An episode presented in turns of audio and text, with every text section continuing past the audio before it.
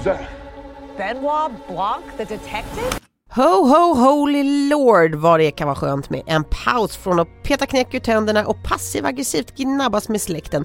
För vad piggar upp mer i allt brasmys än en riktigt god mordgåta? Så på omkring 15 minuter så ska vi sätta skinnkniven i det nya Knives Out-mysteriet på Netflix, Glass Onion, och ställa oss frågan varför är vi tokiga i Murder Mysteries? Varför är vi besatta av whodunit-film? Jag heter Tove Nordström Och jag heter Elias Björkman och det här är dagens story TV-kollen från Svenska Dagbladet.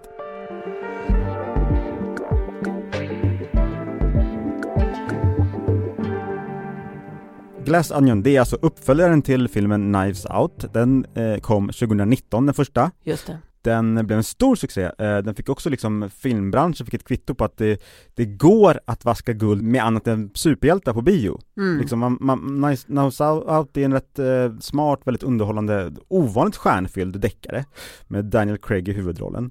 Eh, han spelar den mustige Benoit Blanc, Mm. en eh, gentlemannadetektiv av den gamla skolan.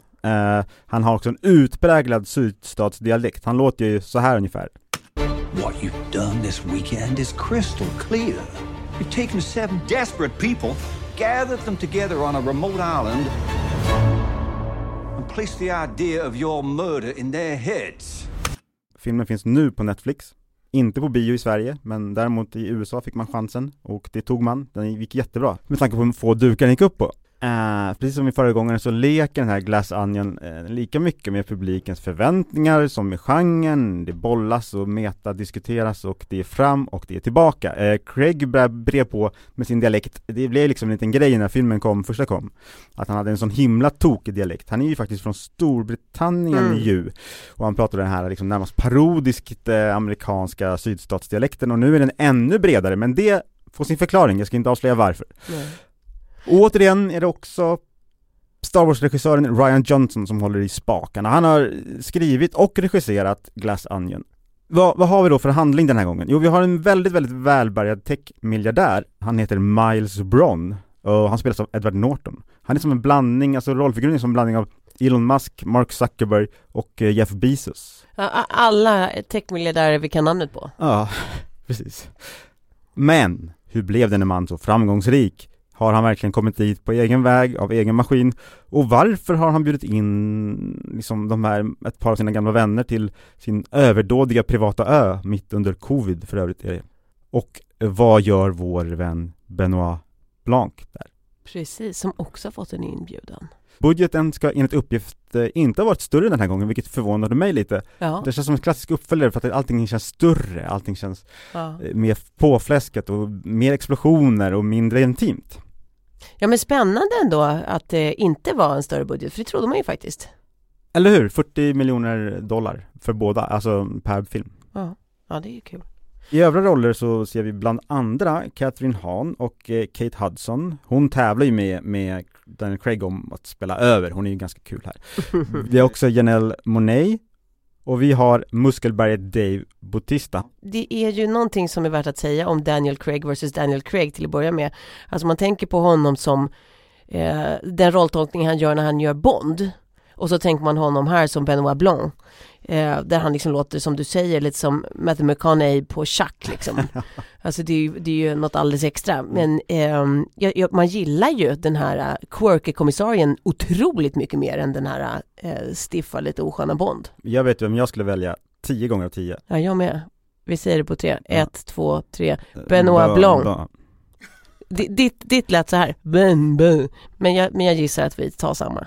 Vi kanske lägger in dessutom en, en, en, en långsam, vad ska man säga, ett, ditt svar eh, utklippt och, och lite extra långsamt. Det skulle jag tycka var kul.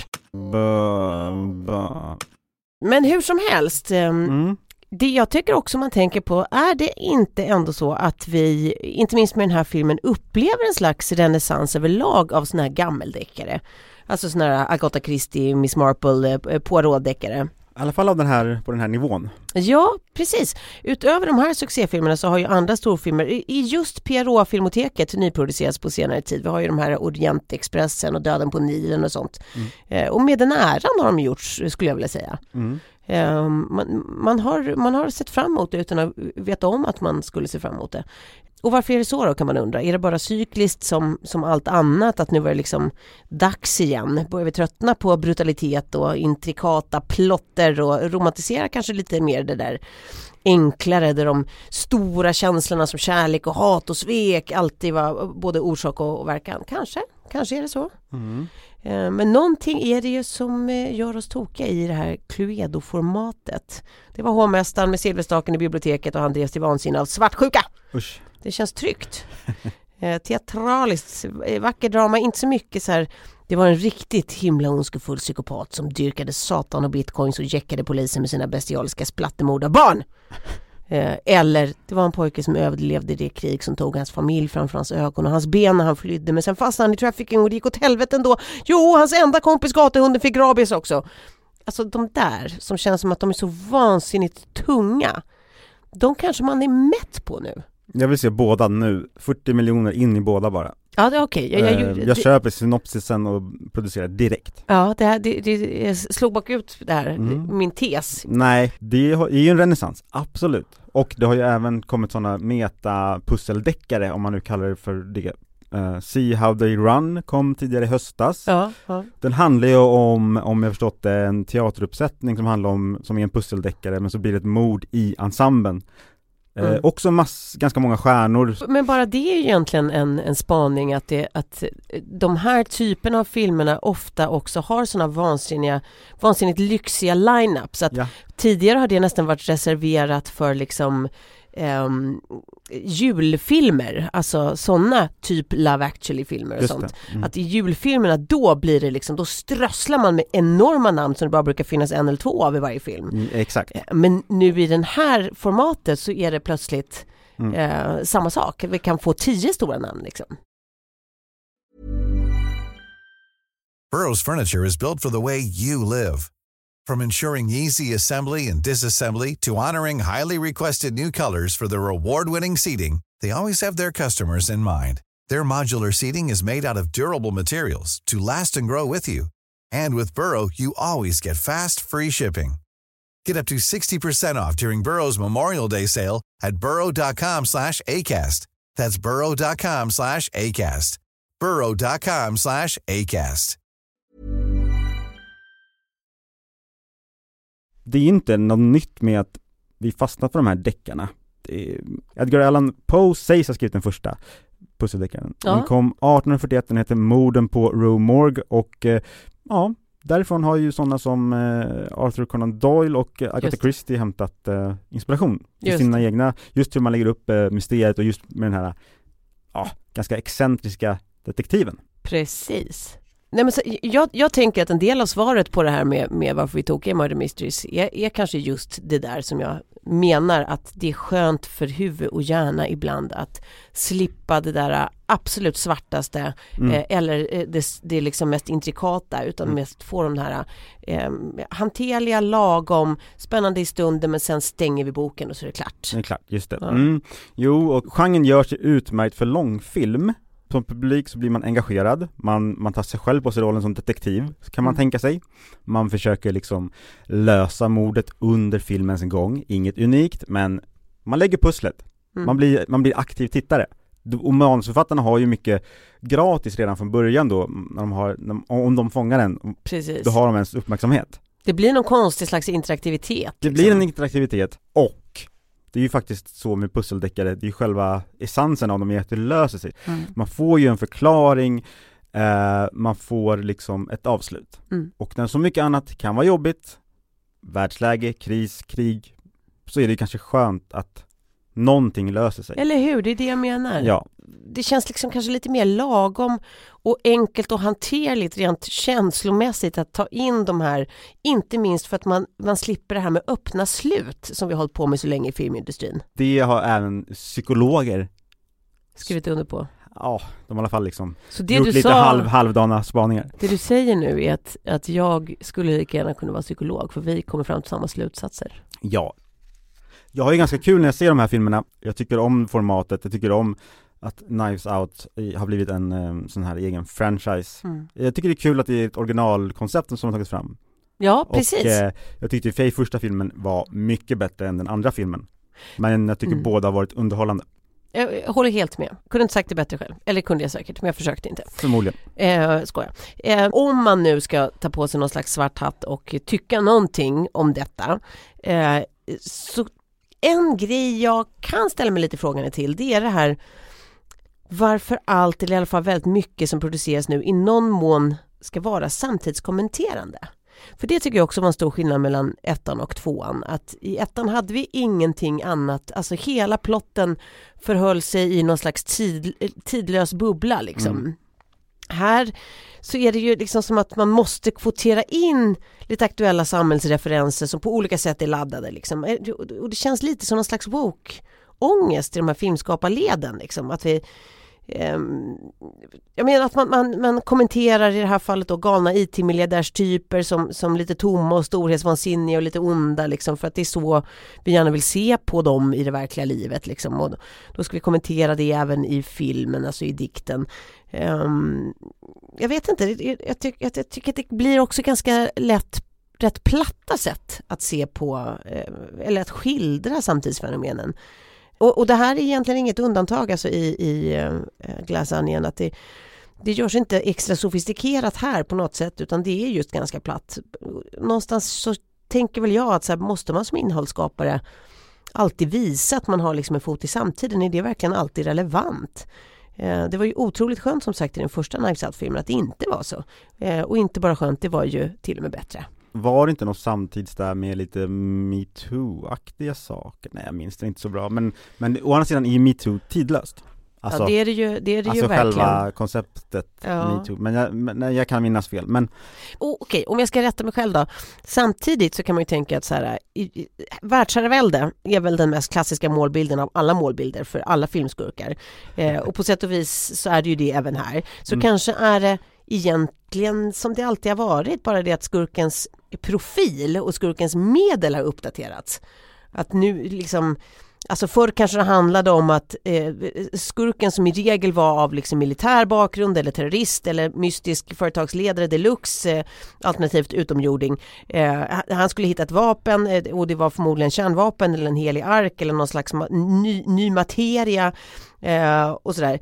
Eh, och så skulle genom detta så skulle han eh, få, få världen att böja sig för, för hans vilja. Men nu så är skurken mer kanske någon vi kan läsa om och fascineras av i våra tidningar, alltså typ då IT-miljardär och, och världsherraväldet handlar mer om enorma summor pengar, alltså en annan sorts maktmedel för att få människor att böja sig. Så, så egentligen kanske det faktiskt bara är potato, modernare potato. det är en klassisk eh, sån, när de blir, om man blir jätteframgångsrik, då är det oftast många på vägen som har blivit överkörda. Mm. Det är ju ett tema som, som är genomgående i, i den här filmen. Mm.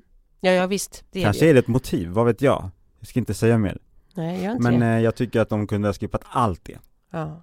Det- alltså om man ska skriva så här, ska du skriva eh, tech, techmiljardär satir så måste det vara mycket, mycket skarpare, mycket smartare och mycket liksom Det är nog det jag fiskar efter, att jag tycker att det kändes bara lite platt och kanske just därför kändes det lite inkvoterat. Ja, Att han skulle vara just IT-miljardär Mm. som eh, beter sig på just det här sättet. Men med det sagt, för att vara väldigt tydliga, både du och jag tycker ju hemskt mycket om den här filmen. Eh, vi bara eh, tycker att det blir svårt när man, när man benchar den mot den första som ju var fantastisk. Jag tycker om den, Mm. inte hemskt mycket. Nej, du tycker om. Men jag kan rekommendera alla att hålla utkik, ögon och öron öppna efter olika cameos. Det finns, det kryllar av dem. Ja, Eh, såg du Ethan Hawke? ja, ja visst. Ja, Visst han gjorde var, jag det. han var med en sekund. Jag sa, det där kan ju inte vara han. Men det var han. Jo, men det var han. Uh, vet du vem som gjorde rösten till den här gonggongen eller det här Nej. man, klockan, klockan som hörs på ön? Nej, Eh, Det var jo- Joseph Gordon-Levitt, det är sant. Mm. Men tre, gud. tredje klotet från solen kändis. Ja. Eh, Så där kan man hålla på. Eh, jag rekommenderar alla att googla upp det sen när ni har sett den. Jag vill inte säga för mycket heller. Nej. Jag rekommenderar alla att eh, vässa era öron nu för att nu är det dags för Binge eller Play. Äntligen! Det är ju vårt succémoment som en klapp från oss till er eh, och den har ju förstås ett jultema idag. Ehm, så jag tänker att jag ska ratea lite jul-tv åt er som den konsumentombudsman jag är. Elias kommer göra exakt samma sak. Ja, Ja. Eh, specifikt julfilm på Netflix för min del, eller jul-tv på Netflix. Så till att börja med då, om vi har um, Love actually eller Ensam hemma i toppen av julfilmsskalan. Och så har vi Lindsay Lohans Falling for Christmas eh, i botten, den som vi pratade om här om veckan och sågade. Då kanske vi kan stoppa en av årets julfilmer, Happiest Season, någonstans mitt emellan. Det är en fullt godkänd, lite småmysig hbtq-romcom med bland annat Kristen Stewart. Eh, den är inte kanon men den är inte kattskit heller, så binge med små bokstäver skulle jag säga. Mysigt. Mm. Eh, sen har vi en annan då för året eh, ny julfilm som heter I believe in Santa som överlag har blivit kalas, sågad så det bara sjunger om den. Och bara det gör en ju ganska nyfiken på att titta. Och det är absolut en julfilm. Eh, om en vuxen man som knasigt nog tror på jultomten och som någonstans är den man ska heja på. Mm. Eh, och jag vill placera den här uh, i närheten uh, av samma postkod som Lowens Falling for Christmas. Eh, blä. Blä på den. Blä det på låter den. lite som Elf-konceptet. Ja, fast, fast eh, du tar bara det som är, är riktigt pårökt med Elf och Mm. skippar allt det som är gulligt och förlåtande. Mm. Mm, eller kul. Mm. Okej, eh, sen eftersom jag inte då är en Grinch så ska jag förstås sluta i dur genom att slå ett slag för den norska julserien Home for Christmas. Den här är ju ingen ny, den är ju från 2020 eh, och finns i två säsonger. Men den är otroligt mysig romcom tycker jag, som landar betydligt högre upp på den här julfilmsskalan. Trots att det faktiskt rent tekniskt är en serie. Eh, binge! En äkta binge där. Mm. Man, man kan fördriva flera timmar. Gud ja. Nu har du lite tips. Men jag tänkte, jag, jag vänder mig till SVT då istället. Mm. Mm, på juldagen är det premiär för årets stora dramasatsning på SVT. Äntligen heter den, den bygger på en israelisk eh, förlaga Mm. och den, eh, i den svenska versionen är det Lorry-gänget som spelar huvudrollerna. De har inte skrivit manus eller regisserat. Det handlar om eh, Jakob Widman som ska få ekonomipriset till Alfred Nobels minne. Eh, problemet är att han är stendöd innan det här, eh, innan han vet om detta, och, men hans vänner som hittar honom i, i, där han ligger i sin lägenhet Ja. eh, tänker ändå se till att han får det här priset. Mm. För att han måste vara levande när det tillkännages. Så de gör en sån Weekend at Bernies eh, grej, att de försöker, försöker låtsas att han lever. Eh, det är, äntligen är en lite sputtrig, mysig dramakomedi, lite av den där gamla skolan, men jag, jag faktiskt tyckte den var rätt bra. Mm. Lagom att smälta liksom sojaskinkan till. Desto rappare är Det ligger i blodet.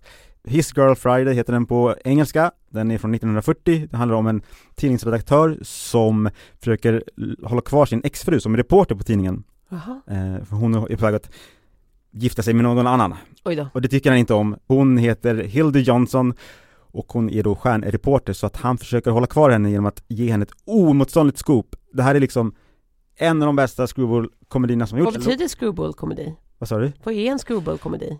Det är ju det är den här som kom på 30-40-talet om med väldigt, det som liksom särpräglar dem är ju den rappa dialogen. Mhm. Eh, och det är väldigt lite tokigt, ibland är det väl lite, lite väl ordrikt men den här eh, Screwball-komedin är ju i väldigt så on point, den är väldigt så Alltså dialogen är så välskriven, eh, den är så rapp och den levereras fullkomligt briljant av Cary Grant och eh, Rosalind Russell.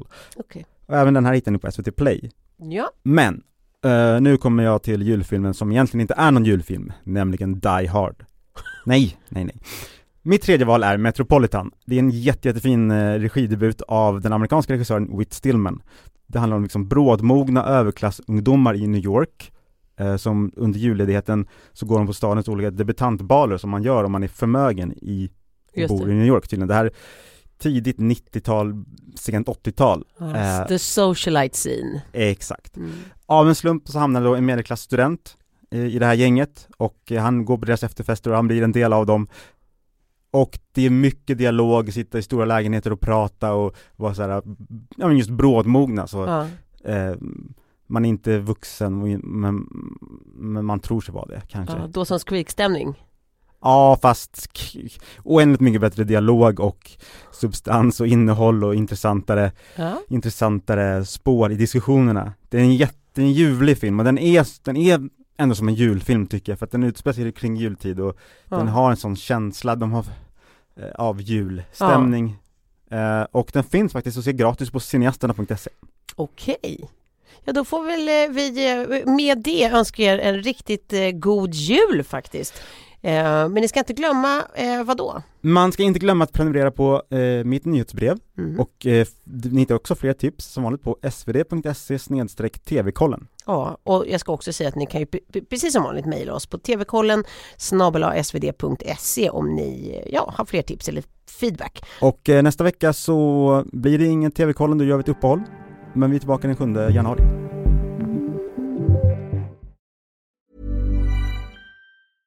Ryan Reynolds här från Mint Mobile. Med priset på nästan allt som går upp under inflationen, trodde vi att vi skulle bring våra priser down. So to help us, we brought in a reverse auctioneer, which is apparently a thing. Mint Mobile unlimited premium wireless. Ready to get 30, 30, bit to get 30, bit to get 20, 20, 20, bit to get 20, 20, bit to get 15, 15, 15, 15 just 15 bucks a month. So, Give it a try at mintmobile.com slash switch. $45 upfront for three months plus taxes and fees. Promo for new customers for limited time. Unlimited more than 40 gigabytes per month. Slows. Full terms at mintmobile.com.